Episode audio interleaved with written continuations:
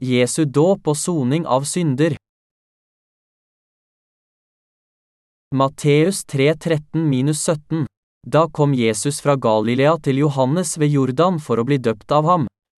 Men Johannes ville hindre ham og sa, Jeg trenger å bli døpt av deg, og så kommer du til meg. Jesus svarte, La det nå skje.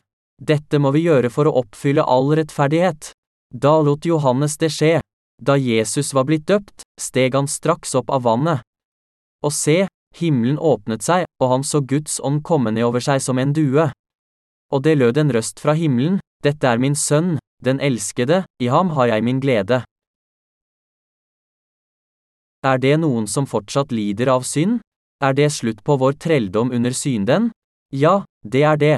Vår Herre Gud har kuttet av syndens lenker for alle mennesker. Alle som har det vanskelig under synden, er syndens slaver, men med sin forløsning har vår Herre kuttet dem helt av. Han fjernet alle våre synder. Er det noen som fortsatt lider under synden? Vi må forstå at vår kamp mot synden er over. Vi skal aldri mer lide i synden. Vår trelldom under synden tok slutt da Jesus forløste oss med sin dåp og sitt blod. Alle våre synder tok slutt der og da. Guds sønn har sonet alle våre synder. Gud betalte for alle våre synder gjennom Jesus, som satte oss fri, for alltid. Vet du hvor mye mennesker lider under syndene sine?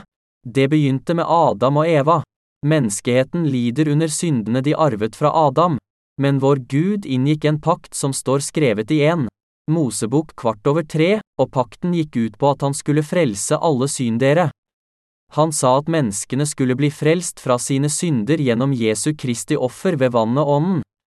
Da tiden var inne, sendte Gud vår frelser, Jesus, for å leve blant oss.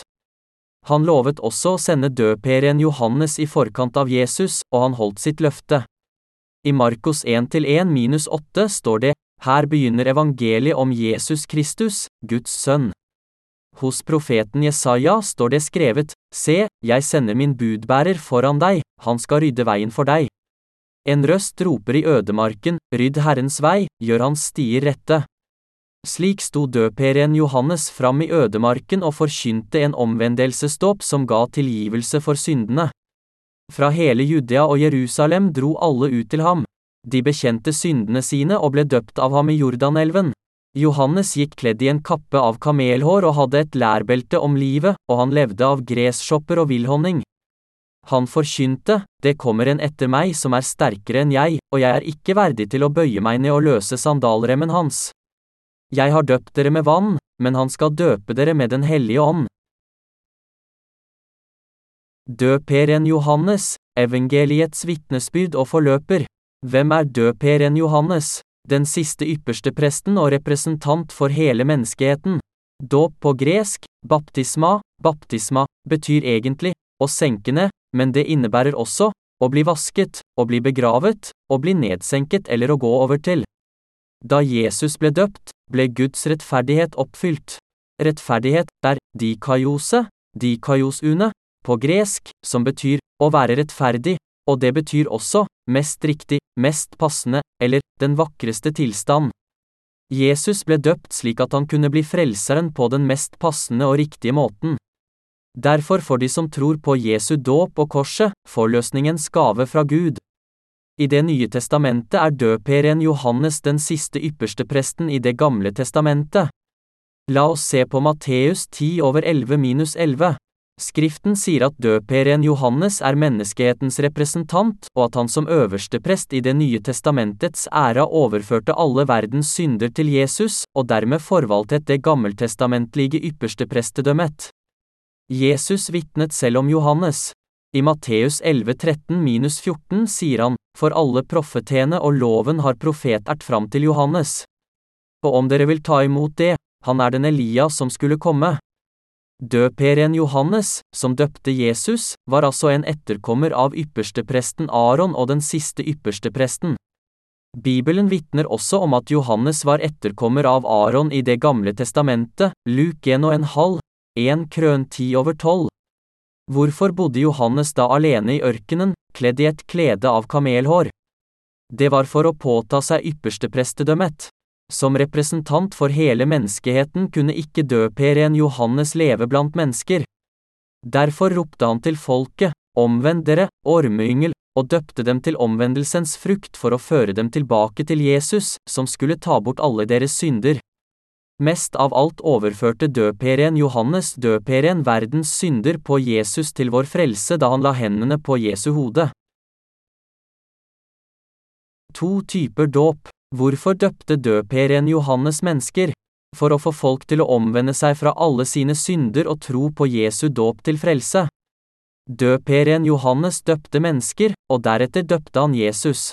Den første var omvendelsens dåp, som oppfordret syndere til å vende tilbake til Gud. Mange mennesker som hørte Guds ord gjennom Johannes, forlot sine avguder og vendte tilbake til ham. Den andre dåpen var Jesu dåp, dåpen som overførte alle verdens synder på Jesus. Døperen Johannes døpte Jesus for å oppfylle Guds rettferdighet. Jesus ble med andre ord døpt av døperen Johannes for å frelse alle mennesker fra deres synder, Matteus 3,15. Hvorfor måtte Johannes døpe Jesus? For å utslette verdens synder måtte Gud la Johannes overføre alle synder på Jesus, slik at mennesker som trodde på ham kunne bli frelst. Døperen Johannes var en Guds tjener som hadde som oppgave å overføre alle verdens synder til Jesus gjennom dåpen, og å vitne om Jesus slik at hele menneskeheten kunne omvende seg og bli vasket fra sine synder ved å tro på forløsningens evangelium. Derfor måtte Johannes leve alene i ørkenen. På døperen Johannes' tid var hele Israels folk korrupt og gjennområttent.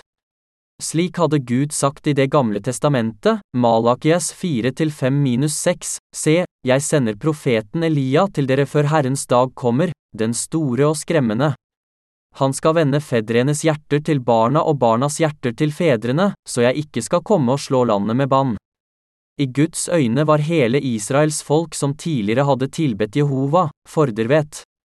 Ingen var rettferdige for ham, de religiøse lederne i tempelet, for eksempel prestene, advokatene og de skriftlærde, var spesielt gjennområtne. Israelittene og prestene deres ofret ikke de lovlige ofrene i henhold til Guds lov. Prestene hadde forlatt håndspåleggelsen og blodofferet som Gud hadde gitt dem til soning for deres synder. Det er dokumentert at prestene på Malakis tid hadde forlatt det lovlige offersystemet, håndspåleggelsen og ofringen av blod fra offerdyret. Derfor kunne ikke døperen Johannes bli hos dem. Han gikk ut i ørkenen og ropte ut. Hva sa han? Det står skrevet i Markos 1-2-3, som siterer profeten Sjøsasja ord, Se, jeg sender min budbærer foran deg, han skal rydde veien for deg. En røst roper i ødemarken, rydd Herrens vei, gjør hans stier rette. Røsten i ørkenen ropte til menneskene om omvendelsens dåp. Hva er omvendelsens dåp, som Bibelen snakker om? Det er dåpen som døperen Johannes ropte etter. Dåpen som kalte folk tilbake til Jesus slik at de kunne tro på ham, som skulle ta bort alle deres synder og frelse dem. Omvendelsesdåpen skulle lede dem til frelse. Omvend dere og la dere døpe. Vår frelser Jesus vil bli døpt på samme måte for å ta bort alle syndene deres. Johannes døperens rop var at Jesus skulle ta bort verdens synder og dømmes på korset for å frelse alle mennesker, slik at de kunne komme tilbake til Gud. Jeg har døpt dere med vann, men han skal døpe dere med Den hellige ånd.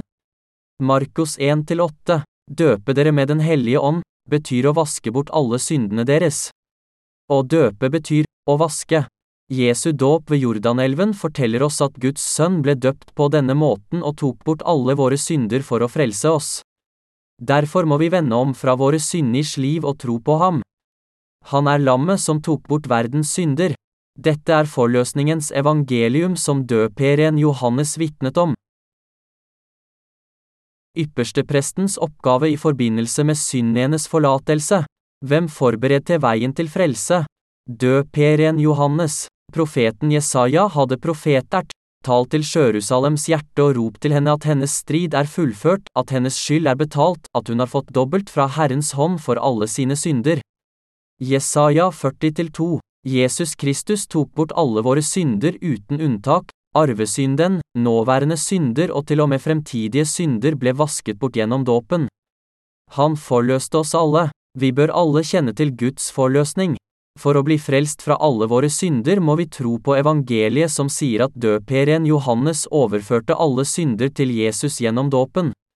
Vi må ikke misforstå og tenke, siden Gud er kjærlighet, kan vi bare komme inn i himmelriket ved å tro på Jesus, selv om vi har synd i hjertet. For å bli forløst fra alle våre synder må vi tro på dåpen hans, der døperen Johannes overførte alle verdens synder til Jesus og korset. Det er ved vannet at døperen Johannes overførte alle menneskehetens synder til Jesus. Det første Gud gjorde for å frelse oss, var å sende Johannes til denne verden. Som Guds sendebud ble døperen Johannes sendt som ambassadør til kongen, som overførte alle verdens synder til Jesus gjennom dåpen. Han fungerte som ypperste prest for hele menneskeheten. Gud fortalte oss at han sendte sitt sendebud, døperen Johannes, til oss. Jeg sender mitt sendebud for ditt ansikt.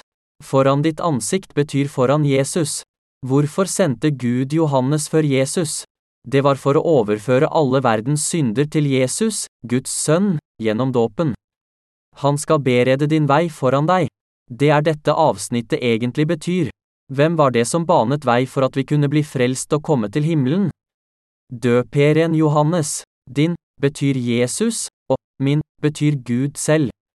Når han sa, Jeg sender mitt sendebud foran ditt ansikt, som skal berede din vei foran deg, hva betyr det da? Hvem skal berede veien for oss slik at vi kan komme til himmelen?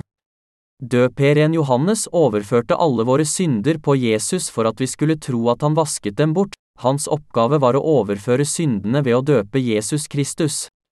Det var Jesus og Johannes som gjorde det mulig for oss å tro på sannheten og bli frelst. Hva avhenger vår frelse av? Den avhenger av om vi tror på Jesu, Guds sønns, rettferdige gjerninger og det faktum at Guds sendebud, døperen Johannes, hadde overført alle verdens synder på ham. Vi burde alle kjenne til evangeliet om syndenes forlatelse. Gud Fader sendte sitt sendebud i forveien, han som skulle døpe Sønnen, og gjorde ham til menneskehetens representant. Dermed fullførte han forløsningsverket for oss. Gud sendte sin tjener døperen Johannes for å døpe sin sønn, slik at han kunne berede veien til frelse for dem som trodde på Jesus. Det er grunnen til at Johannes døpte Jesus. Johannes døperens dåp av Jesus var oppfyllelsen av Guds forløsning, der alle menneskehetens synder ble overført på ham, slik at alle mennesker kunne tro på Jesus og komme til himmelen. Selv menneskehetens fremtidige synder ble overført til Jesus gjennom dåpen. Jesus og døperen Johannes forberedte sammen veien til himmelen for oss alle.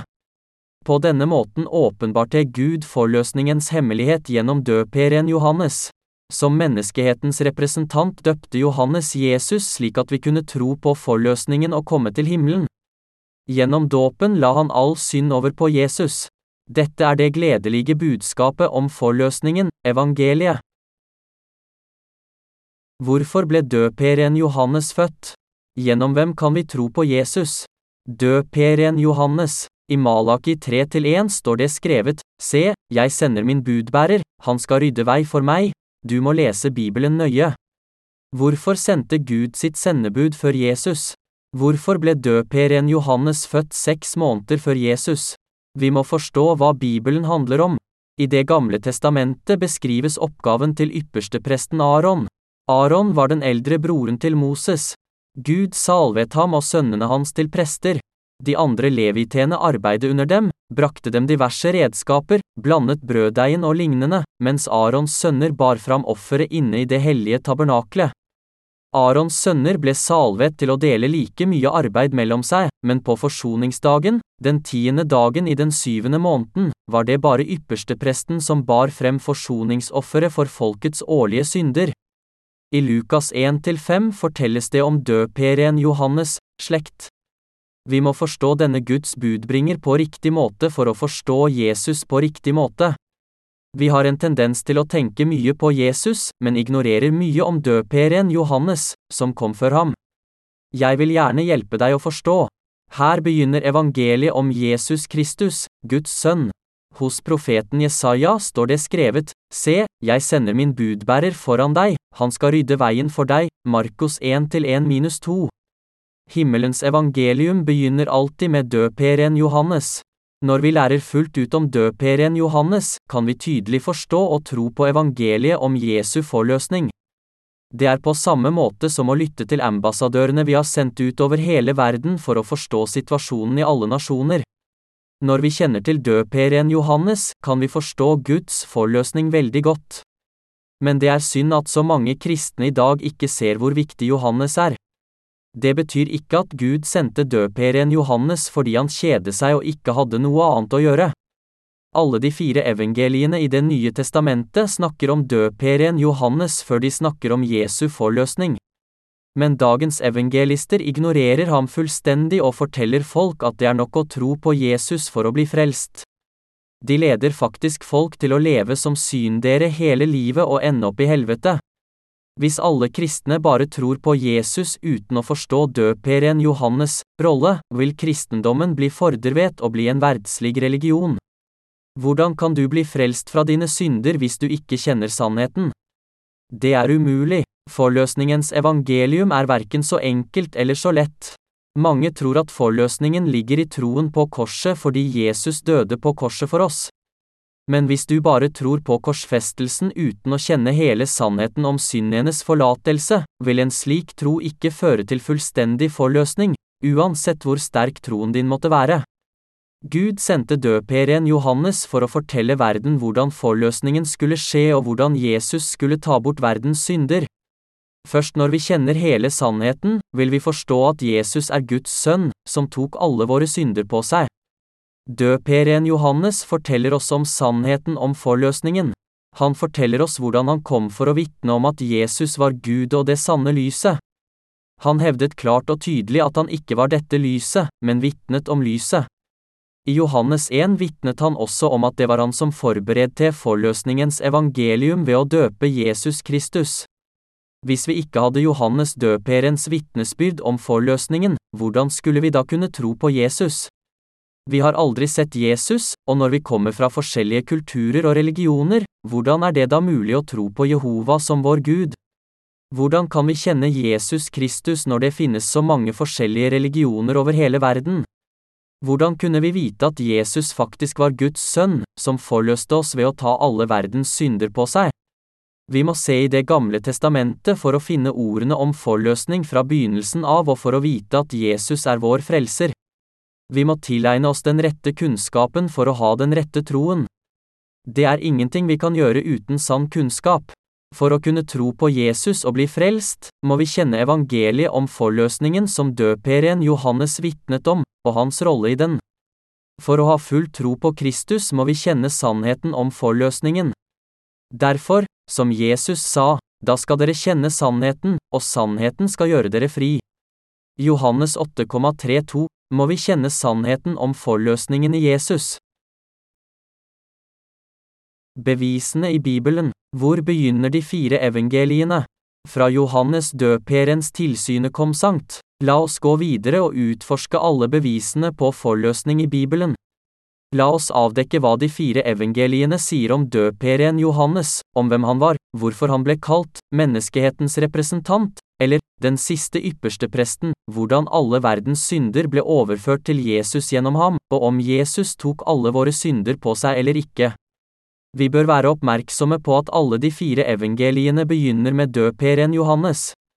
I Johannes 1-6 står det noe av det viktigste i evangeliet. Det forteller oss hvem som utførte oppgaven med å overføre all verdens synder på Jesus. Et menneske sto fram, utsendt av Gud. Navnet hans var Johannes. Han kom for å vitne. Han skulle vitne om lyset, så alle skulle komme til tro ved ham. Johannes 1-6 minus 7. Det står at alle kan tro gjennom ham, og at han skulle vitne om lyset. Lyset er Jesus Kristus. Det betyr at Johannes skulle vitne om Jesus slik at alle kunne tro gjennom ham. La oss nå se nærmere på Matteus kapittel 3.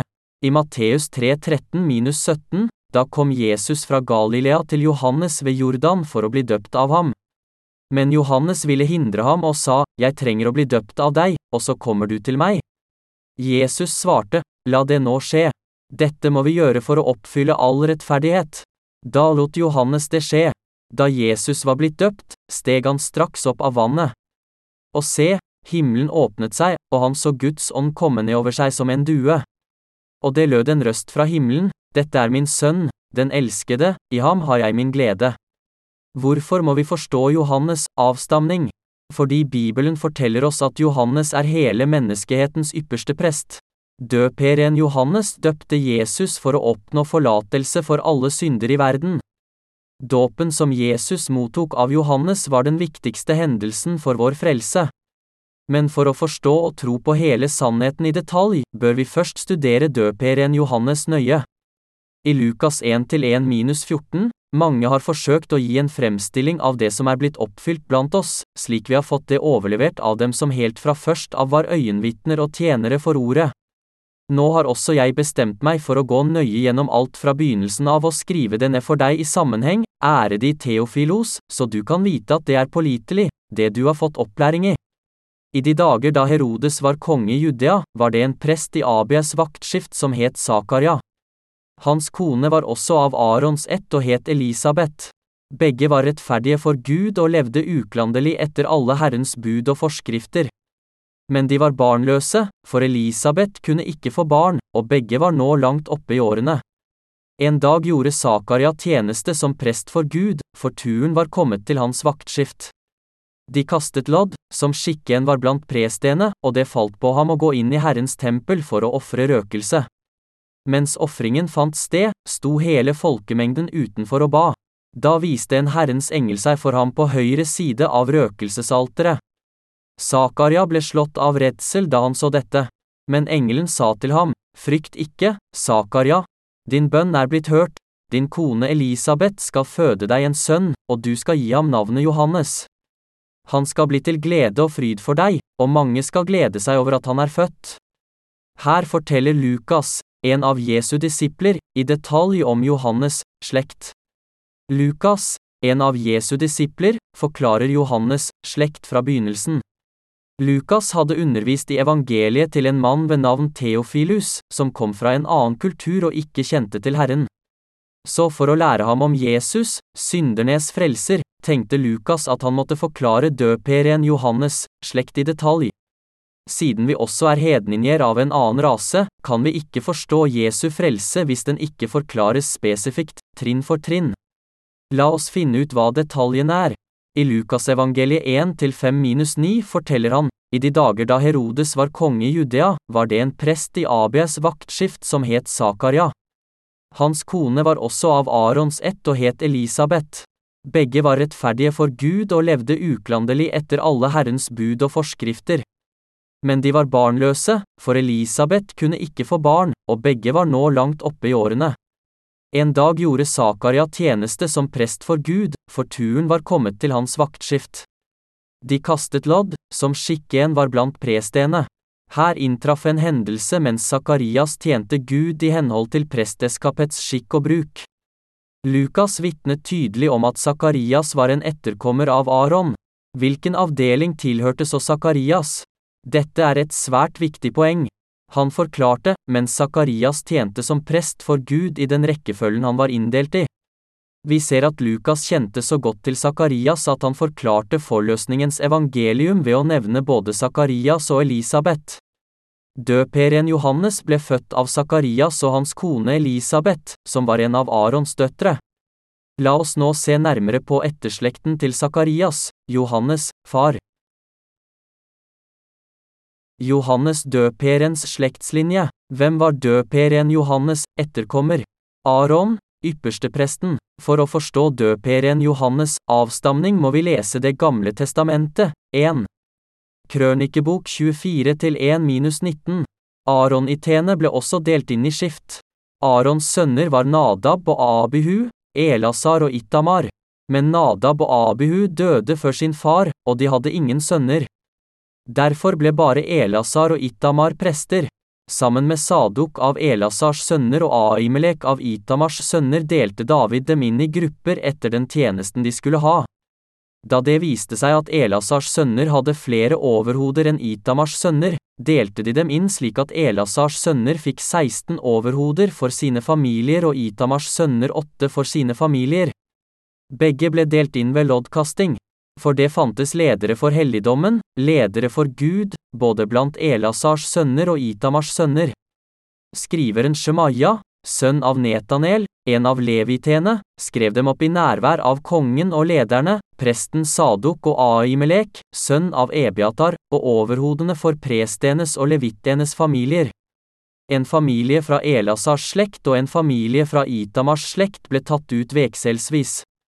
Det første loddet falt på Joarib, det andre på Sjødaya, det tredje på Harim, det fjerde på Seorim, det femte på Malkia, det sjette på Miamin, det sjuende på Hakkos, det åttende på Abia, det niende på Jeshua, det tiende på Shekanya, det ellevte på Eliashib, det tolvte på Jakim, det trettende på Huppa, det fjortende på Jeshøbab, det femtende på Bilga, det sekstende på Imer, det syttende på Hisø, det attende på Happises, det nittende på Pettaja, det tjuende på Jeheskel, det tjueførste på Jakin, det tjueandre på Gamul, det tjuetredje på Delaja og det tjuefjerde på Masia. Dette er de gruppene de skulle være delt inn i når de kom og gjorde tjeneste i Herrens hus etter den ordningen de hadde fått fra sin stamfar Aron, slik Herren, Israels Gud, ga ham påbud om. La oss lese vers 10 igjen. Det sjuende på Hakkos, det åttende på Abia, det niende på Jeshua, det tiende på Sjekanja, På kong Davids tid var det mange prester, og derfor var det også behov for å etablere en ordning for deres systematiske tjeneste. Derfor tildelte David lodd til hver av Arons sønner, slik at offeret ble brakt i rekkefølge. Som dere alle vet, var Aron den eldre broren til Moses. Gud innsatte Moses som sin stedfortreder og Aron som øversteprest i det hellige tabernaklet for Israels folk. Alle de andre levitene ble underlagt prestene, og Aron og prestene, sønnene hans, fikk ansvaret for alle ofringene for Guds åsyn. Før David tildelte lodd, måtte prestene, som var Arons etterkommere, trekke lodd hver gang, og det hadde skapt stor forvirring. Derfor ordnet David et system ved å sette hver avdeling i rekkefølge. Det var 24 avdelinger i en rekkefølge som utgikk fra Arons sønnesønner, og den åttende var Abia. Det heter, det var en prest ved navn Sakarias som tilhørte Abisha, avdeling. Sakarias var altså prest i Abisha, avdeling, og de var begge etterkommere av ypperstepresten Aron. Det var Sakarias, en prest i Abisha 1, som var far til døperen Johannes. Vi vet fra Bibelen at de pleide å gifte seg innad i familiene sine. Jakob giftet seg altså med sin onkels datter på morssiden. Det er denne forklaringen på avstamningen som har stor betydning. Det står nemlig en prest ved navn Sakarias, fra Abisha 1. Derfor var han definitivt en etterkommer av Aron. Hvem da? Sakarias, døperen Johannes, far. Dette er et viktig faktum for å forklare Jesu forløsning, døperen Johannes, gjerning og overføringen av verdens synder på Jesus. Bare Arons sønner skal gjøre tjeneste som prester. Hvem kunne utøve yppersteprestedømmet på Det gamle testamentets tid? Aron og hans utpekte etterkommere. Hvor i Bibelen står det at Arons sønner skal gjøre prestetjeneste? La oss slå det opp. Fjerde Mosebok 2022-29, så brøt de opp fra Kaders, og hele Israels menighet kom til fjellet Hor. Herren talte til Moses og Aron på fjellet Hor, ved grensen til Edomlandet. Han sa, Nå skal Aron bli forent med sitt folk. Han får ikke komme inn i landet jeg har gitt israelittene, for dere satte dere opp mot det jeg sa ved Marybekilden. Ta Aron og hans sønn Elasar og før dem opp på fjellet Hor. Ta presteklærne av Aron og kle dem på Elasar, sønnen hans. For der skal Aron bli forent med sitt folk og dø. Moses gjorde som Herren hadde pålagt ham. Mens hele menigheten så på, steg de opp på fjellet Hor. Moses tok presteklærne av Aron og kledde Elasar, hans sønn, med dem. Så døde Aron der oppe på toppen av fjellet. Da Moses og Elasar kom ned igjen, forsto hele menigheten at Aron var død. Og hele Israels hus gråt over Aron i 30 dager. I to, Mosebok står det i Guds lov at Arons, yppersteprestens, sønner skulle overta prestedømmet, og at en utnevnt sønn skulle overta yppersteprestedømmet, slik faren gjorde, når de fylte 30 år. 2 Mosebok 28-1-5 Blant israelittene skal du la din bror Aron og sønnene hans tre fram for å gjøre prestetjeneste for meg. Det er Aron og sønnene hans, Nadab og Abihu, Elasar og Itamar. Og du skal lage hellige klær til din bror Aron, til ære og pryd. Så skal du si til alle som har visdom i hjertet, og som jeg har fylt med visdomsånd, at de skal lage klærne til Aron, så han kan helliges til prestetjeneste for meg. Disse klærne skal de lage, et bryststykke, en FO-drakt, en kappe, en rutet kjortel, en turban og et belte. Dette er de hellige klærne som de skal lage til din bror Aron og sønnene hans, så de kan være prester for meg. Til dette skal de bruke gull, purpurblått, purpurrødt og karmosinrødt stoff og fint lin. Gud utnevnte Aron, broren til Moses, til ypperste prest. Prestedømmet var ikke åpent for noen annen mann. Gud beordret Moses til å vigsle Aron til ypperste prest, og til å gi ham de klærne han hadde bestemt. Vi må aldri glemme Guds ord. Og i to, Mosebok 29-1-9, slik skal du gjøre med dem når du helliger dem til prester for meg. Ta en ung okse og to værer uten feil, og øssyret brød, runde øssyrede kaker blandet med olje, og øssyrede flate brød smurt med olje. Dem skal du lage av fint hvetemel. Du skal legge dem i en kurv, og så skal du bære dem fram i kurven, sammen med oksen og de to værene.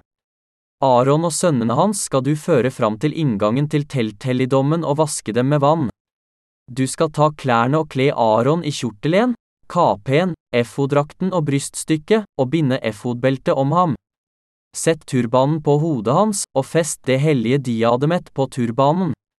Så skal du ta salvingsoljen og helle utover hodet hans og salve ham. Deretter skal du føre fram sønnene hans.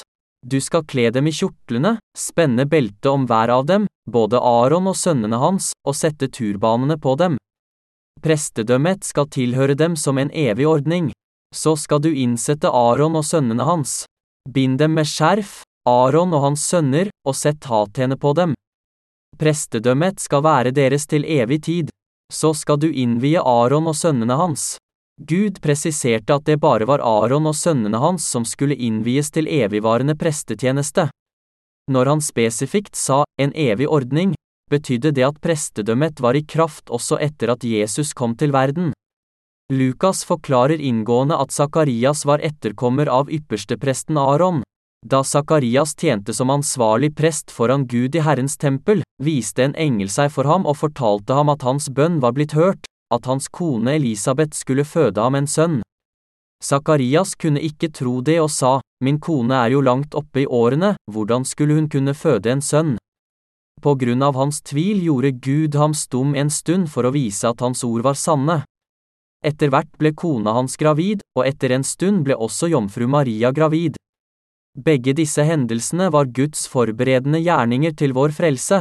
For å frelse den elendige menneskeheten måtte han sende sin tjener Johannes og sin enbårne sønn Jesus til denne verden. Derfor lot Gud sin sønn døpe av Johannes for å overføre alle verdens synder, slik at de som trodde på ham, skulle bli frelst. Guds spesielle forsyn. Hvem forberedte Gud før Jesus til å utføre hans forløsningsverk? Døperen Johannes. Jesus Kristus var menneskehetens frelser, som ble født av jomfru Marias legeme. Maria var forlovet med Josef, som var en etterkommer av Juda. Jesus måtte fødes gjennom Judas etterkommere for å oppfylle Guds pakt, på samme måte som døperen Johannes måtte fødes i Arons, yppersteprestens hus. Gud forberedte disse to til å bli født inn i denne verden, i den rekkefølgen, Johannes før Jesus. Johannes ble født slik at han kunne døpe Jesus og overføre alle verdens synder på ham. En etterkommer av ypperstepresten måtte bringe forsoningsofferet for å oppfylle Guds pakt, inngått i Det gamle og Det nye testamentet, evangeliet om Jesu forløsning måtte gjennomføres på riktig måte slik at hele folket ble frelst. I to, Mosebok ga Gud Israel sin lov og pakt, Guds lover og offersystemet i tabernaklet, helt ned til prestenes klesdrakt, detaljer om ofringene og prestedømmes arv til prestesønnene. Gud utnevnte Aron og hans etterkommere til ypperste prest til evig tid. Derfor kunne alle Arons etterkommere ofre, og yppersteprestene kunne bare komme fra Arons hus. Forstår du hvorfor det var slik? Blant Arons mange etterkommere valgte Gud ut en prest ved navn Sakarias og hans kone Elisabeth. Han hadde sagt, Se, jeg sender min budbærer foran deg, da Gud sa til Sakarias at han ville gjøre det mulig for Elisabeth å få en sønn, og at han skulle gi ham navnet Johannes, ble han så forbløffet at han ble stum på hans befaling helt til sønnen var født og fikk sitt navn. Det ble faktisk født en sønn i huset hans. Da det var tid for å oppkalle barnet i henhold til skikkene i Israel, ble sønnen oppkalt etter sin far eller en av hans slektninger. Tiden kom da Elisabeth skulle føde, og hun fikk en sønn. Hennes naboer og slektninger hørte hvor stor godhet Herren hadde vist henne, og de gledet seg med henne. På den åttende dagen kom de for å omskjære gutten.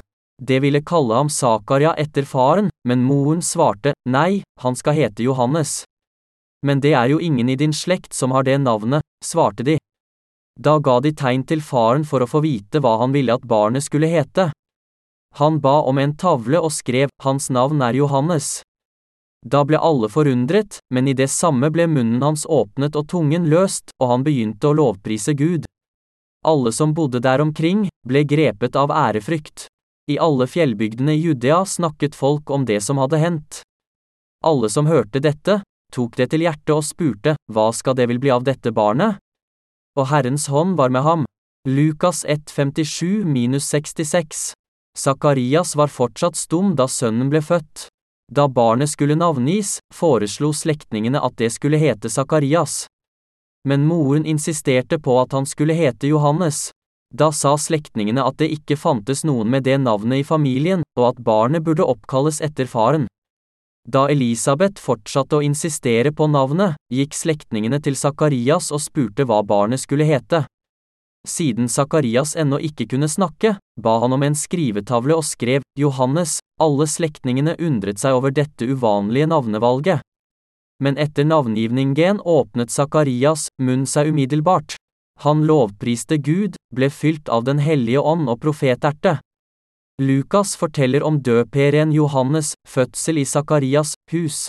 Var det en prest i Abias vaktskift som het Sakaria? I Guds spesielle forsyn ble døperen Johannes, menneskehetens representant, født av Sakarias, en etterkommer av Aron. Gjennom døperen Johannes og Jesus Kristus hadde Gud fullbyrde menneskehetens frelse. Vi blir frelst fra alle våre synder ved å tro på frelsesverket som ble utført gjennom Johannes og Jesus Kristus. Jesu dåp Hvorfor ble Jesus døpt av Johannes? For å ta bort alle verdens synder. Døperen Johannes vitnet om at Jesus var Guds sønn og at han tok bort alle våre synder. Han var døperen Johannes, Guds tjener som ble sendt for å vitne om Guds frelse. Det betyr ikke at Gud ikke selv forteller oss at han er vår frelser. Gud virker gjennom sine tjenere i menigheten, og gjennom munnen til alle som er frelst. Gud sier, tal til Sjørusalems hjerte og rop til henne at hennes strid er fullført, at hennes skyld er betalt, at hun har fått dobbelt fra Herrens hånd for alle sine synder. Gresset tørker bort, blomsten visner, men ordet fra vår Gud står fast for evig.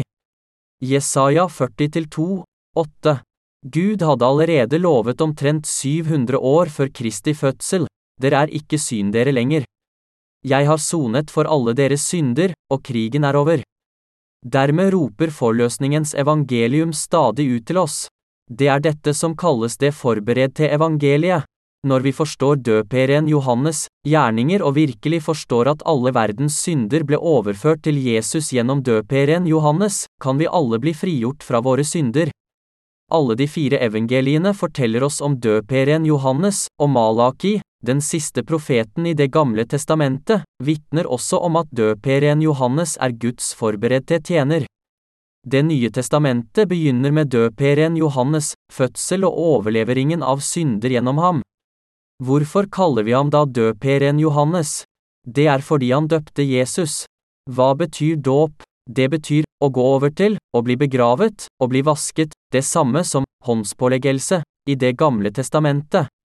Når en mann synde i Det gamle testamentet, overførte han syndene sine til offerdyret uten lyte ved å legge hånden på dyrets hode, og offeret døde sammen med syndene. Håndspåleggelse betyr å gi videre til. Derfor har håndspåleggelse og dåp samme betydning, selv om de tilsynelatende er forskjellige. Hva var så meningen med Jesu dåp? Hans dåp var den eneste måten vi kunne få syndenes forlatelse på. Gud hadde fastsatt en lov om at synden kunne overføres til et offer gjennom håndspåleggelse. I Det gamle testamentets dager måtte syndere derfor legge hendene på offerets hode for å overføre syndene sine til offerets hode.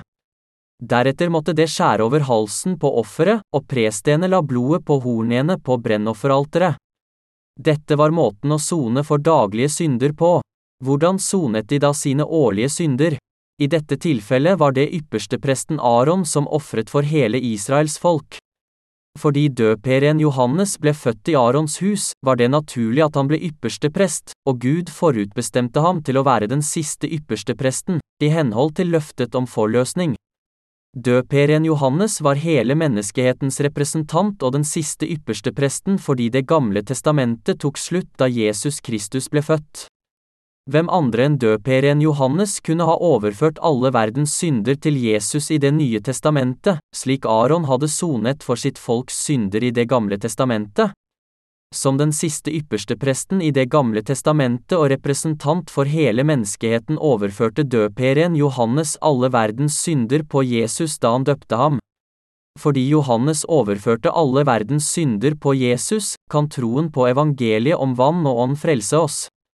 Jesus ble lammet for å frelse alle syndere og dermed utføre forløsningsverket slik Gud hadde planlagt.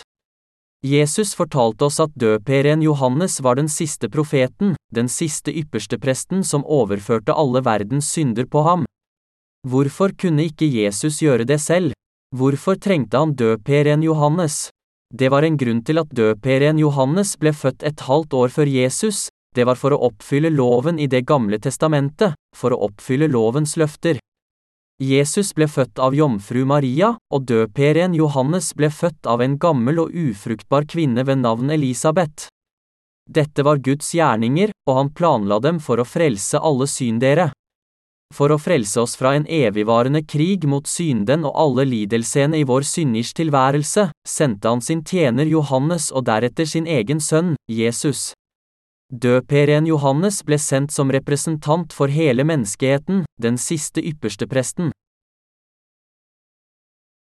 Den største mann født av kvinner. Hvem var den største mannen på jorden? Døperen Johannes. La oss se på Matteus 11-7-14. Da de gikk, begynte Jesus å tale til folket om Johannes, hva dro dere ut i ødemarken for å se? Et siv som svaier i vinden? Nei, hva gikk dere ut for å se? En mann kledd i fine klær? De som går i fine klær, bor i Konjins slott. Hva gikk dere da ut for å se? En profet? Ja, jeg sier dere, mer enn en profet. Det er om ham det står skrevet, Se, jeg sender min budbærer foran deg, han skal rydde veien for deg. Sannelig, jeg sier dere, blant dem som er født av kvinner, har det ikke stått fram noen større enn døperen Johannes. Men den minste i himmelriket er større enn han. Fra døperen Johannes, dager og like til nå trenger himmelriket seg fram, og de som trenger på, river det til seg. For alle profetene og loven har profetert fram til Johannes. Og om dere vil ta imot det, han er den Elias som skulle komme.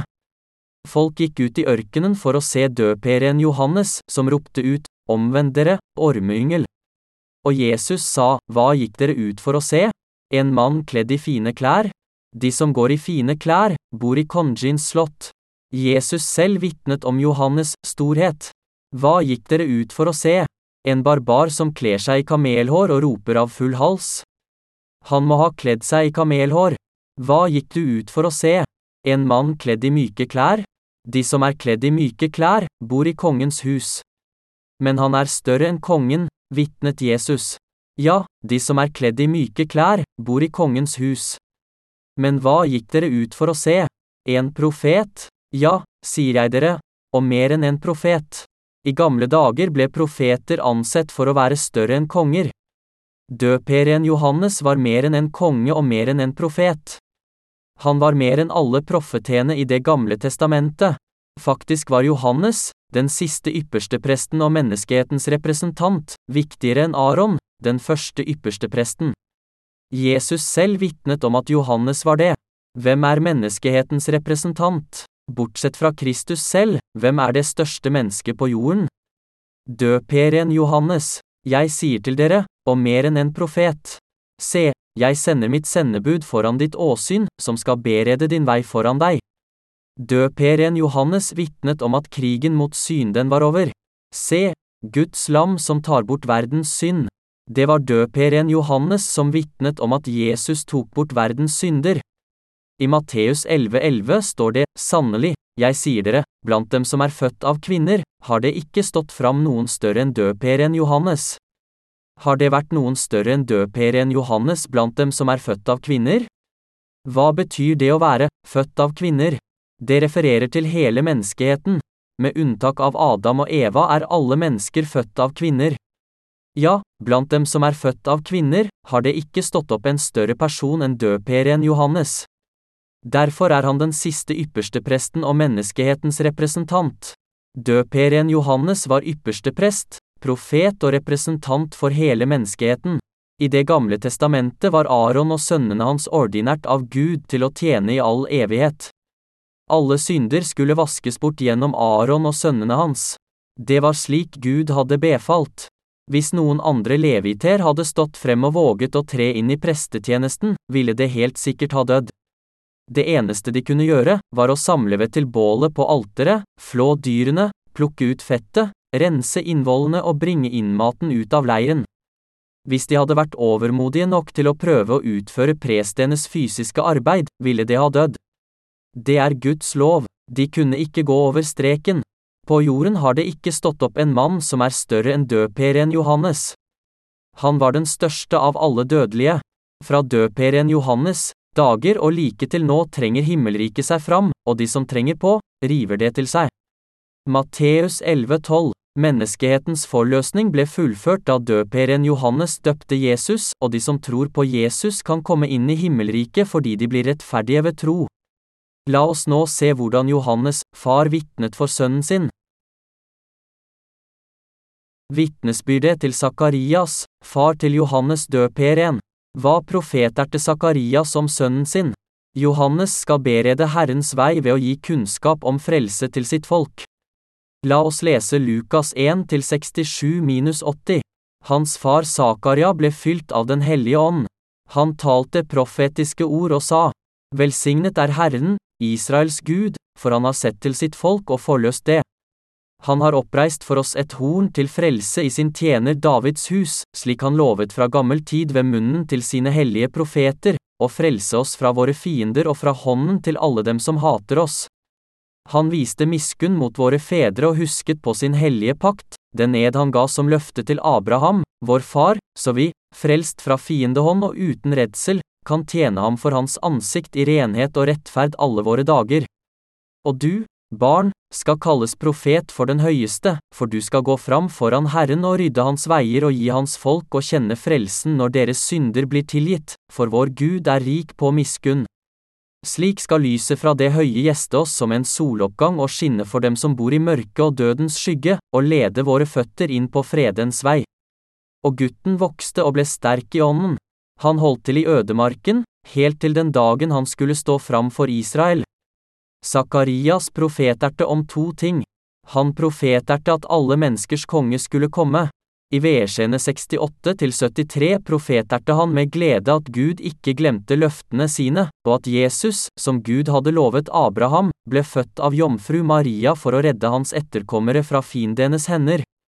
Fra vers 74, så vi, frelst fra fiendehånd og uten redsel, kan tjene ham for hans ansikt. Dette er en påminnelse om Guds løfte til Abraham og Israels folk, og han profeterte, så vi kan tjene ham uten frykt.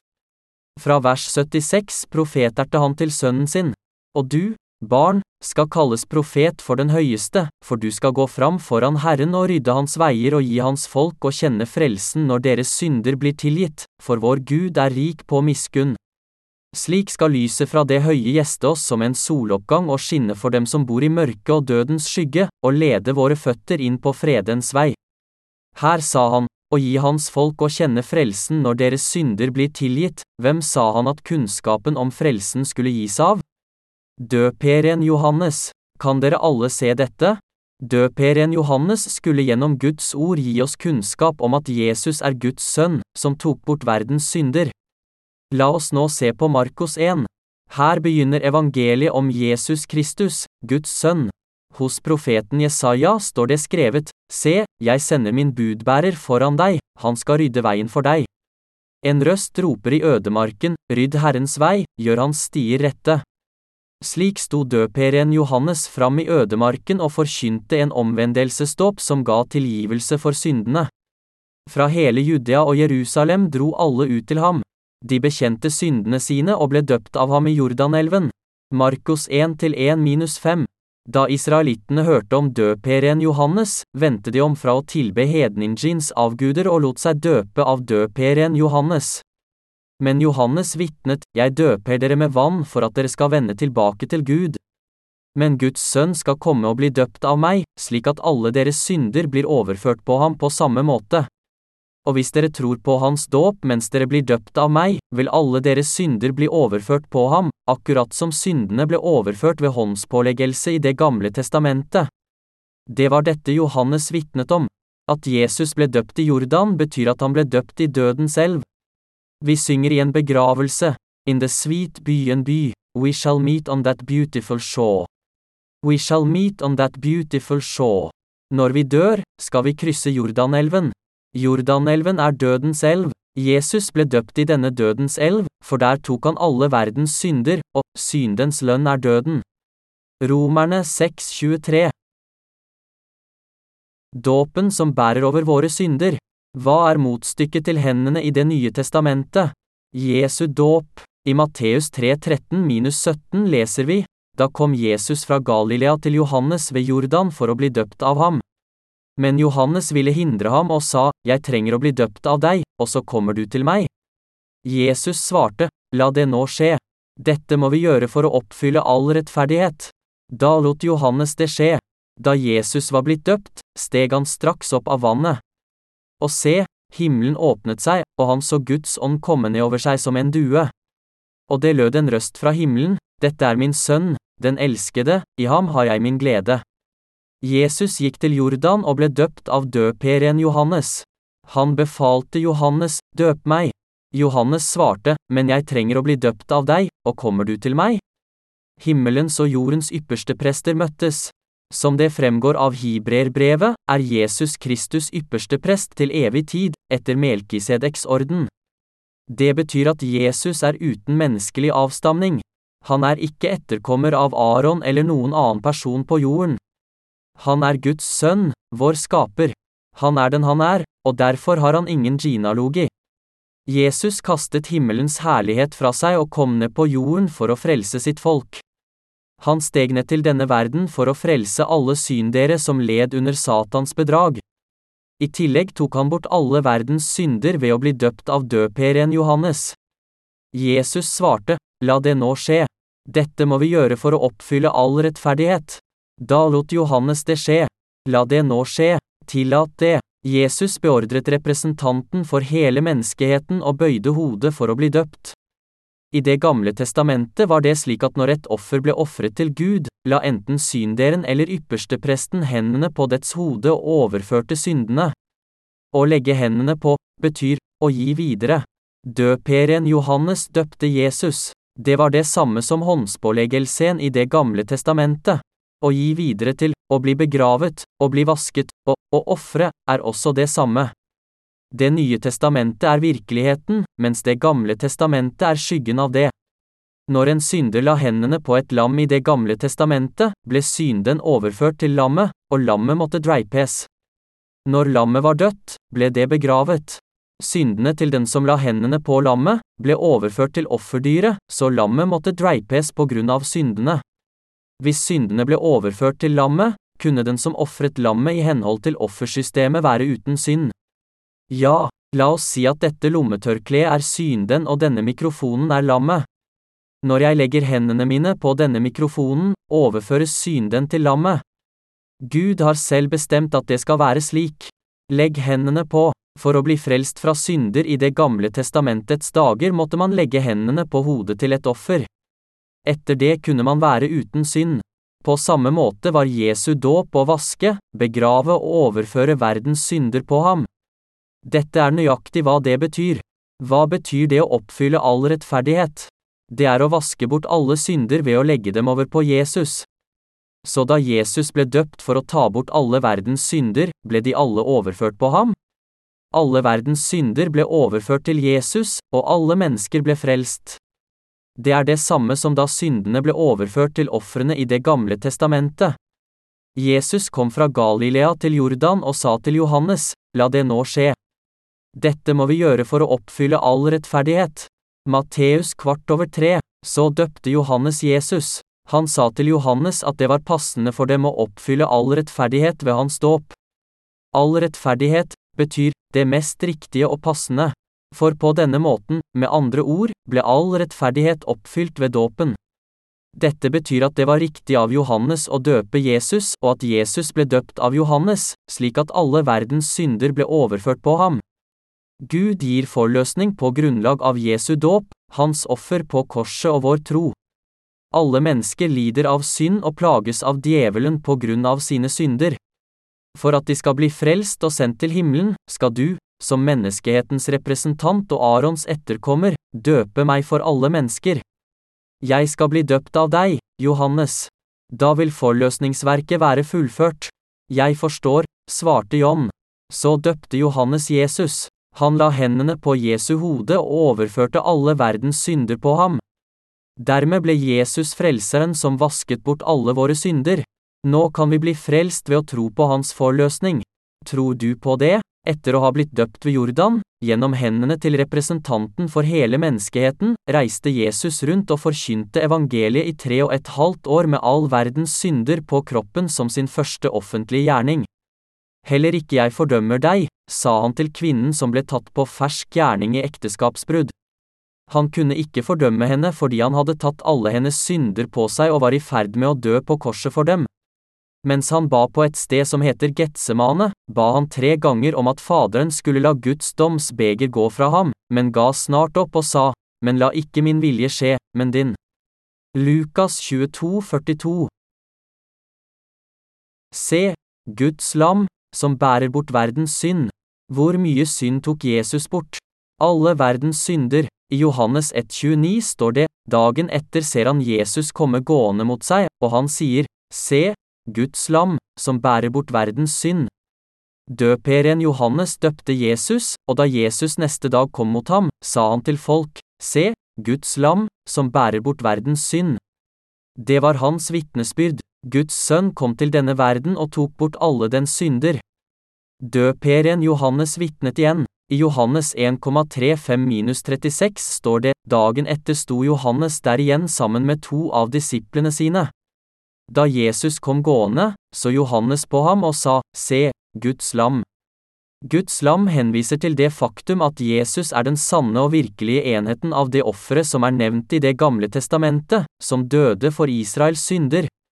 For deg og meg kom Guds sønn og vår skaper ned til denne verden for å ta bort alle våre synder, alle synder fra verdens skapelse til den dagen den går under, fra arvesynden til alle våre misgjerninger, fra våre mangler til våre feil. Han forløste oss alle med sin dåp og sitt blod på korset. Jesus tok bort alle våre synder og ga oss, de troende, fullkommen forløsning. Forstår du dette? Guds lam, som bærer bort verdens synd. Omtrent 2000 år har gått siden han ble født inn i denne verden, og i år 2030 etter Kristi fødsel tok Jesus bort alle våre synder. År én etter Kristi fødsel var året da Jesus ble født. Vi kaller tiden før Kristus, nesten 2000 år har gått siden Jesus kom til verden.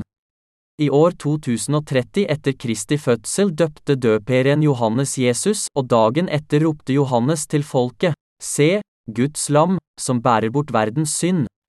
Se, han ba folk om å tro på Jesus, som tok bort alle deres synder. Han vitnet om at Jesus var Guds lam, han som frelste oss fra alle våre synder. Jesus tok bort alle våre synder og avsluttet vår evige krig mot synden. Etter at Guds sønn tok bort syndene, er vi nå uten synd. Døperen Johannes vitnet om at Jesus hadde tatt bort alle våre synder, både dine og mine. Han kom for å vitne. Han skulle vitne om lyset, så alle skulle komme til tro ved ham, Johannes 1-7. Hvordan kunne vi ha visst at Jesus tok bort alle våre synder uten Johannes' vitnesbyrd? Bibelen forteller oss ofte at han døde for oss, men bare døperen Johannes vitnet tydelig om at han tok bort alle våre synder. Hvor mye synd er verdens synd? Alle menneskers synder fra verdens begynnelse til verdens ende. Mange vitnet om dette etter Jesu død, men bare Johannes vitnet om det mens han levde. Selvfølgelig vitnet også Jesu disipler om Jesu forløsning. De vitnet om at Jesus tok bort våre synder, at han er vår frelser. Jesus tok bort verdens synder. Nå, leser, du er ikke 100 år gammel ennå, er du vel? Jesus tok bort verdens synder da han var 30 år gammel. La oss si at det var 4000 år før Jesus kom at det første mennesket ble skapt. Og det er bare litt over 2000 år siden Jesus kom. Vi vet ikke hvor lenge verden kommer til å bestå, men enden kommer helt sikkert. Han sier, Jeg er alfa og omega, den første og den siste, begynnelsen og enden.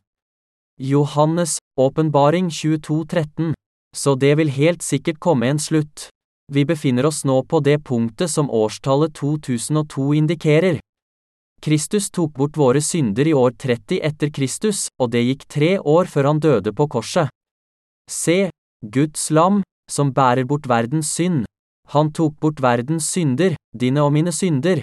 Det er over 2000 år siden Jesus ble født, og vi lever våre liv omtrent 2000 år etter at Jesus tok bort våre synder. Vi lever fortsatt og begår synder dag ut og dag inn, men Jesus er Guds lam som allerede har tatt bort verdens synder. Vi begynner å leve oss syndig i denne verden fra det øyeblikket vi blir født.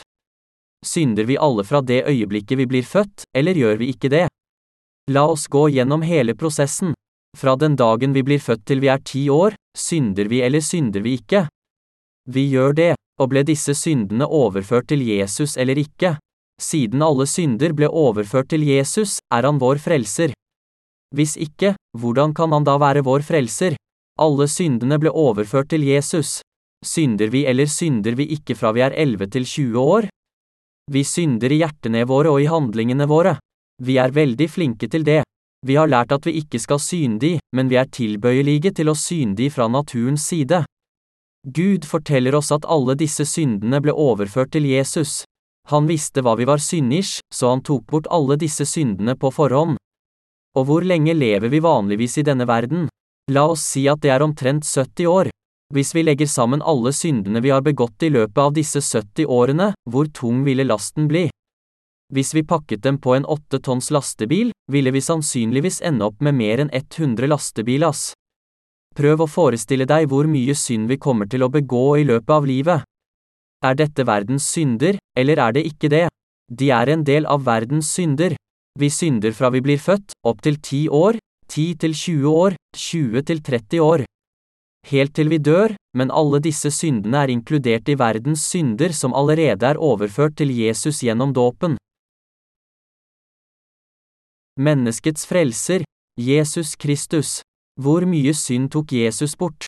Alle syndene til våre forfedre, også våre etterkommere inntil verdens ende.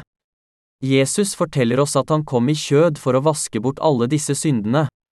Men Jesus kunne ikke døpe seg selv, så Gud sendte sin tjener Johannes i forveien, den utvalgte representanten for alle mennesker. Som det står skrevet, han har fått navnet underfull rådgiver, veldig Gud, Jesaja 9-6. Av seg selv, i sin visdom og etter sitt råd sendte han menneskehetens representant i forveien, og Jesus selv, Guds sønn, kom i kjød for å ta bort alle verdens synder. Er ikke dette en vidunderlig frelse fra Guds dype forsyn? Er det ikke fantastisk? Så bare ved å bli døpt av døperen Johannes, vasket han bort alle menneskers synder i hele verden og frelste alle fra synden ved å bli korsfestet, en gang for alle. Han frelste oss alle. Tenk over det, la oss ta en titt på alle dine synder fra 20 til 30, 30 til 40, 40 til 60, til 70, til 100, og også dine barns synder. Utslettet han alle disse syndene, eller gjorde han det ikke? Ja, det gjorde han. Han er Jesus Kristus, menneskehetens frelser. Siden døperen Johannes overførte alle våre synder på Jesus, og fordi Gud hadde planlagt det slik, kan vi bli frelst ved å tro på ham. Er du og jeg syndere? Ble alle våre synder overført til Jesus eller ikke? Vi er ikke syndere lenger fordi syndene våre allerede ble overført til Jesus. Hvem våger å si at det finnes synd i verden? Jesus tok bort alle verdens synder. Han visste at vi ville syndig, og dermed tok han også fremtidens synder. Noen av oss er ennå ikke 50 år, og noen har ikke engang levd halvparten av livet ennå, men noen av oss snakker om oss selv, inkludert meg selv, som om vi skulle leve evig. Det er mange av oss som lever turbulente liv. La meg forklare det på denne måten. Hva er halve levetiden til en døgnflue? Det er omtrent tolv timer. Du store min, jeg møtte den og den mannen, og han svingte en fluesmekker mot meg.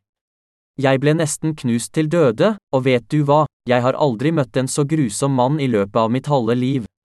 Den hadde bare levd i tolv timer og kunne ikke slutte å snakke. Men allerede hadde halvparten av dens liv gått. Ved 19 til 20-tiden på kvelden går den mot livets skumring, og etter kort tid mot døden. Noen døgnfluer overlever i 20 timer, noen i 21 timer, og noen blir 24 timer gamle. De kan snakke om sine livslange opplevelser, men hvordan ser det ut for oss? Når vi blir 70 eller 80 år gamle, sier vi kanskje, ikke få meg til å le. Deres erfaringer er ingenting i våre øyne. La oss bruke denne lignelsen på forholdet mellom Gud og oss. Gud er evig, han lever i all evighet. Han bestemmer verdens begynnelse og slutt. Ettersom han lever evig, lever han også i evigheten utover evighetens tidsramme. Han ser på oss fra sin evighetsposisjon. En gang i tiden tok han bort alle verdens synder, døde på korset og sa, det er fullbrakt. Han sto opp på den tredje dagen og for opp til himmelen. Nå bor han i evigheten. Nå ser han ned på hver og en av oss. En mann kan si, Å, kjære vene, jeg har syndet så mye. Selv om jeg bare har levd i 20 år, har jeg syndet så mye. Jeg har levd i 30 år og har syndet for mye. Det er bare for mye. Hvordan kan jeg noensinne være uten synder? Men Herren ville i sin evighet sagt, ikke få meg til å le. Jeg har ikke bare forløst dine synder til nå, men også syndene til dine forfedre før du ble født, og syndene til alle generasjonene av dine etterkommere som vil leve etter din død. Dette sier han til deg fra den evige tidsrammen. Tror du på dette? Tro det og ta imot frelsens gave som er gitt deg gratis.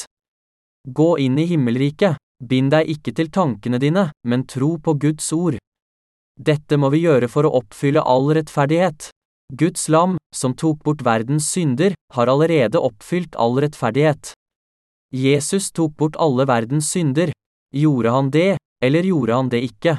Han gjorde det. Hva sa Jesus rett før sitt siste åndedrag på korset?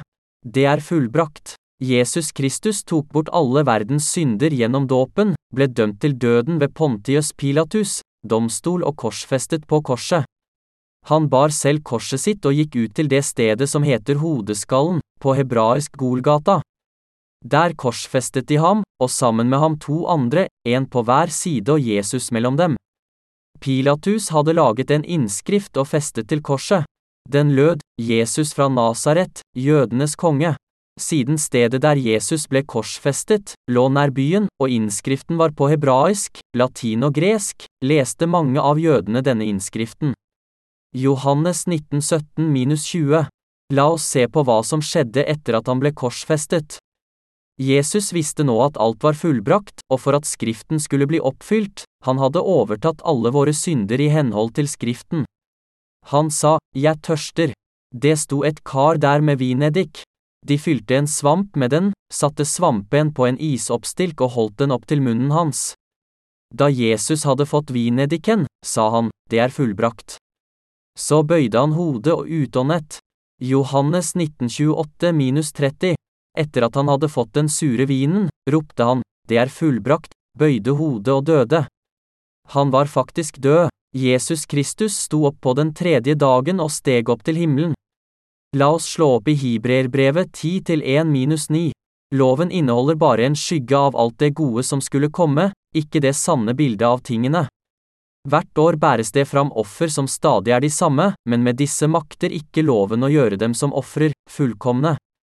Ellers hadde de vel holdt opp med å bære fram offer, for hvis de som deltar i gudstjenesten, var blitt renset en gang for alle, ville det ikke lenger ha noen bevissthet om synd. Men ofrene er hvert år en påminning om synd, for blodet av okser og bukker kan umulig ta bort synder.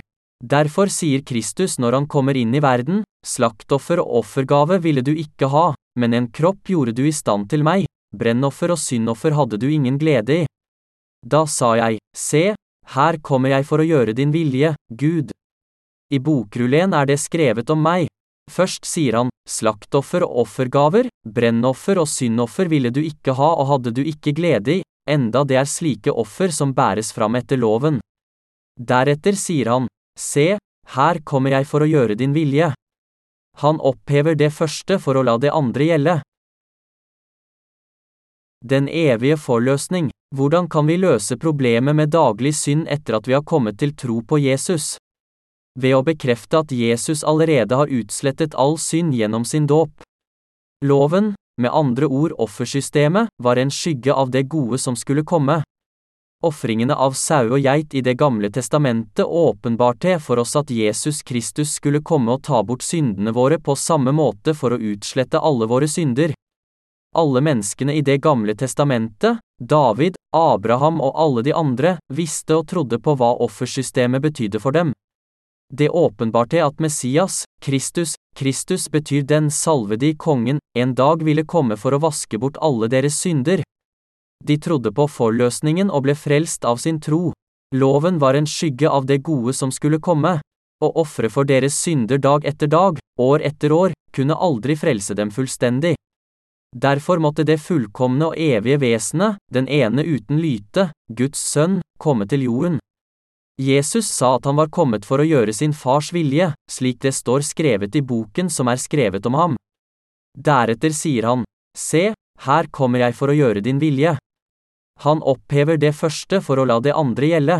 Vi er frelst fra våre synder fordi Jesus Kristus tok bort syndene våre, slik det står skrevet i Det gamle testamentet, og fordi vi tror på ham. La oss lese Hibreerbrevet ti over ti. I kraft av denne viljen er vi blitt heliget ved at Jesu Kristi kropp ble båret fram som offer en gang for alle. Ved den viljen er vi blitt heliget gjennom ofringen av Jesu Kristi legeme en gang for alle. Er vi blitt heliget eller ikke? Ja, det er vi. Hva betyr dette? Gud Faderen sendte sin sønn og overførte alle våre synder på ham gjennom dåpen han mottok av døperen Johannes og dømte ham en gang for alle på korset. Dermed utfridde han alle oss som led av synd. Det var Guds vilje. For å frelse oss ofret Jesus seg selv som det evige offeret, en gang for alle, slik at vi kunne bli helliggjort. Vi er blitt helliggjort fordi Jesus ofret seg selv for alle våre synder og døde for oss, slik at vi ikke trenger å bli dømt. Offeret i Det gamle testamentet ble ofret hver dag fordi alle de daglige syndene trengte et nytt offer for å bli vasket bort. Den åndelige betydningen av Jesu vasking av Peters føtter. Finnes det flere synder som vi må be om omvendelse for? Nei, det er det ikke. I Johannes 13 fortelles det om Jesus som vasker Peters føtter. Han vasket Peters føtter for å vise ham at Peter ville komme til å synde i fremtiden, og for å lære ham at han allerede hadde forløst alle disse syndene også. Jesus visste at Peter ville synde igjen i fremtiden, så han helte vann i et kar og vasket føttene hans. Peter forsøkte å nekte, men Jesus sa, Dette jeg gjør, forstår du ikke nå, men du skal forstå det siden. Johannes 13-7 dette avsnittet betyr, du kommer til å synde igjen etter dette. Dere vil fornekte meg og synde igjen etter at jeg har vasket bort alle syndene deres. Dere vil synde selv etter min himmelfart. Derfor vasker jeg føttene deres for å advare Satan mot å sette dere på prøve, for jeg har allerede tatt bort selv deres fremtidige synder. Tror du at han vasket Peters føtter for å fortelle oss at vi må omvende oss hver dag? Nei, hvis vi måtte omvende oss hver dag for å bli frelst, ville det bety at Jesus ikke hadde tatt bort alle syndene våre en gang for alle. Men Jesus sa at han heliget oss en gang for alle. Hvis vi skulle omvende oss hver dag, kunne vi like gjerne gå tilbake til tiden i Det gamle testamentet. Hvem kan da bli rettferdige? Hvem kan bli fullstendig frelst? Selv om vi trodde på Gud, hvem kunne da leve uten synd? Hvem kan bli helliggjort gjennom omvendelse? Vi synder ustanselig hver dag, så hvordan kan vi be om tilgivelse for hver eneste synd? Hvordan kan vi bli så tykkhudede og plage ham hver dag for å få tilgivelse? Vi har en tendens til å glemme syndene vi begikk om morgenen når dagen er omme, og syndene vi begikk om kvelden neste morgen. Det er umulig for oss å gjøre fullstendig bot for alle våre synder. Derfor ble Jesus døpt én gang og ofret seg selv på korset én gang, slik at vi kan bli helliggjort på én gang. Kan du forstå dette? Vi ble forløst fra alle våre synder en gang for alle. Vi blir ikke forløst hver gang vi omvender oss. Vi er blitt frelst fra våre synder ved å tro at Jesus tok bort alle våre synder, dine og mine synder. Alle prester står daglig og gjør tjeneste og bærer gang på gang fram de samme ofrene, som aldri kan ta bort synder. Men Jesus har for alltid båret fram et eneste offer for synder og satt seg ved Guds høyre hånd. Nå venter han bare på at hans fiender skal bli lagt som skammel for føttene hans. For ved en eneste offergave har han for alltid gjort dem som helliges, fullkomne. Også Den hellige ånd vitner for oss om dette. For først sier han, Dette er pakten jeg vil slutte med dem i dager som kommer, sier Herren, jeg vil legge mine lovbud i deres hjerte og skrive dem i deres sinn. Også, jeg vil ikke lenger huske syndene deres og all deres urett. Men der det er tilgivelse for syndene, trengs det ikke lenger noe offer for synd. Hibrerne 10-11-18 Hva betyr det som står i vers 18 ovenfor, men der det er tilgivelse for syndene? Det betyr at selve synden, hvilken som helst synd, er sonet for alltid, uten unntak. Gud har utslettet dem og tilgitt oss alle. Tror du på dette? Men der det er tilgivelse for syndene, trengs det ikke lenger noe offer for synd. La oss oppsummere alt så langt. Hvis døperen Johannes ikke hadde lagt hendene på Jesus, med andre ord hvis han ikke hadde døpt Jesus, kunne vi da ha blitt frelst? Nei, absolutt ikke. La oss tenke baklengs. Hvis Jesus ikke hadde valgt døperen Johannes som representant for alle mennesker og tatt bort all synd gjennom ham, kunne han da ha vasket bort alle våre synder? Nei, det kunne han ikke. Guds lov er rettferdig, den er rettferdig, han kunne ikke bare si at han var vår frelser og at han tok bort alle våre synder. Han måtte ta bort syndene våre i praksis. Hvorfor kom Jesus, Gud, til oss i kjøddets skikkelse? Han kom for å ta bort alle menneskehetens synder gjennom sin dåp. Jesus visste at alle syndene fra våre hjerter og vårt kjød ikke kunne viskes ut, med mindre han kom i kjød for å bli ofret som det evige offer. Hvis Jesus Kristus ikke hadde blitt døpt, ville syndene våre fortsatt vært der. Hvis han hadde blitt korsfestet uten først å ha tatt bort syndene våre, ville hans død vært meningsløs. Den ville ikke hatt noe med oss å gjøre. Den ville ha vært fullstendig meningsløs. Så da han begynte sin offentlige tjeneste i en alder av 30 år, gikk han til døperen Johannes ved Jordan for å bli døpt. Hans offentlige tjeneste begynte i en alder av 30 år og sluttet da han var 33. Da han var 30, gikk han til døperen Johannes for å bli døpt. La det skje nå, for det er riktig av oss å gjøre det slik, så alle mennesker kan bli frelst og bli rettferdige. Det er det rette for oss å gjøre. Døp meg nå. Ja, Jesus Kristus ble døpt for å frelse alle mennesker. Siden Jesus ble døpt og tok bort alle våre synder, og fordi alle våre synder ble overført til ham gjennom døperen Johannes' hender, vendte Gud selv blikket bort da Jesus døde på korset. Selv om Jesus var hans enbårne sønn, måtte han ofre sin sønn. Gud er kjærlighet, men han måtte la sin sønn dø. I tre timer var det mørkt over hele landet. Jesus ropte rett før han døde, Eli, Eli, lema sabachthani. Det betyr, Min Gud, min Gud, hvorfor har du forlatt meg? Matteus 27-46 Jesus tok på seg alle våre synder og mottok den stedfortredende dommen på korset for oss. Dermed frelste han oss alle. Uten Jesu dåp ville hans død vært meningsløs. Er du en synder eller en rettferdig person?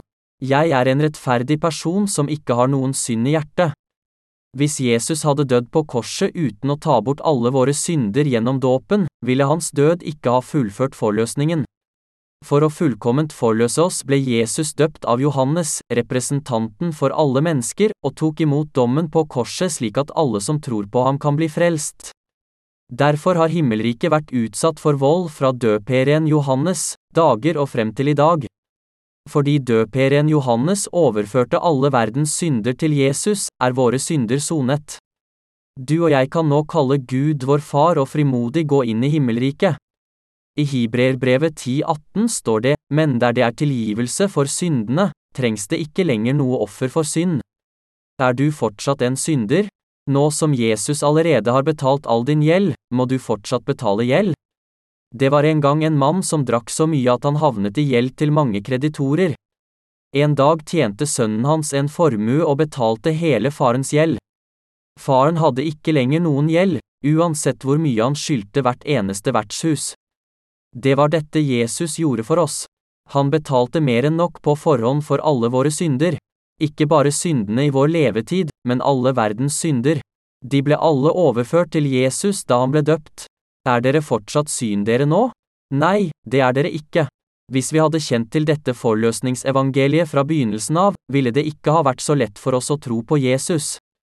Men slik det er nå, høres det så nytt ut at mange undrer seg over det. Men dette er ikke noe nytt. Det har eksistert siden begynnelsen av menneskehetens historie. Vi visste bare ikke om det før.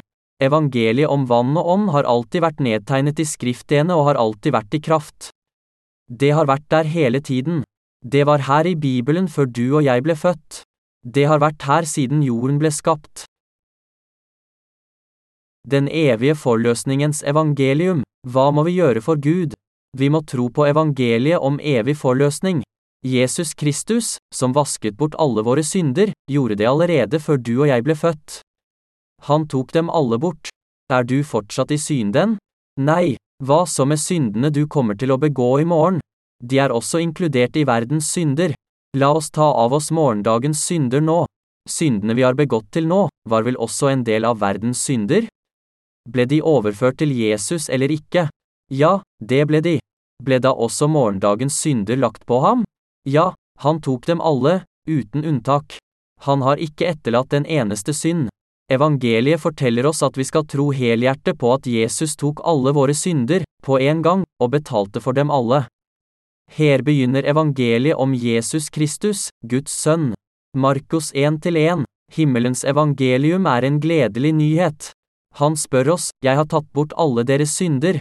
Jeg er deres frelser, tror dere på meg? Blant utallige mennesker er det bare noen få som har svart, ja, jeg tror. Jeg tror slik du har fortalt oss. Det var så enkelt at jeg kunne forstå det med en gang. De som bekjenner sin tro på denne måten, blir rettferdige akkurat som Abraham. Men andre sier, jeg kan ikke tro det. Det høres så nytt og rart ut i mine ører. Så spør han, si meg, har jeg tatt bort alle syndene dine eller ikke? Jeg ble lært at du bare tok bort arvesynden, men ikke mine daglige synder. Jeg ser at du er for klok til å tro på det du blir fortalt. Du må dra til helvete, for jeg har ingenting å si til deg. Troen på hans fullstendige forløsning har frelst oss. Alle som insisterer på at de har synde, må havne i helvete. De har gjort sitt eget valg. Forløsningens evangelium tar utgangspunkt i Johannes døperens vitnesbyrd. Siden Jesus vasket bort alle våre synder gjennom døperen Johannes' dåp, blir vi helliggjort når vi tror. Apostelen Paulus snakket mye om Jesu dåp i brevene sine. I Galaterbrevet 3.27 står det, alle dere som er døpt til Kristus, har kledd dere i Kristus. Å bli døpt til Kristus betyr at vi er i forening med Kristus ved å tro på hans dåp. Da Jesus ble døpt, ble alle våre synder overført til ham gjennom døperen Johannes, og de ble fullstendig vasket bort. I 1. Peter 3,21 står det, dette er et bilde på dåpen, som nå frelser også dere. Dåpen er ikke å vaske kroppen ren for sitt, men en bønn til Gud om en god samvittighet, i kraft av Jesu Kristi oppstandelse. Bare de som tror på Johannes døperens vitnesbyrd, Jesu dåp og blodet på korset, har nåden til forløsning ovenfra. Ta imot Jesu dåp som frelsens motbilde i ditt hjerte og bli frelst.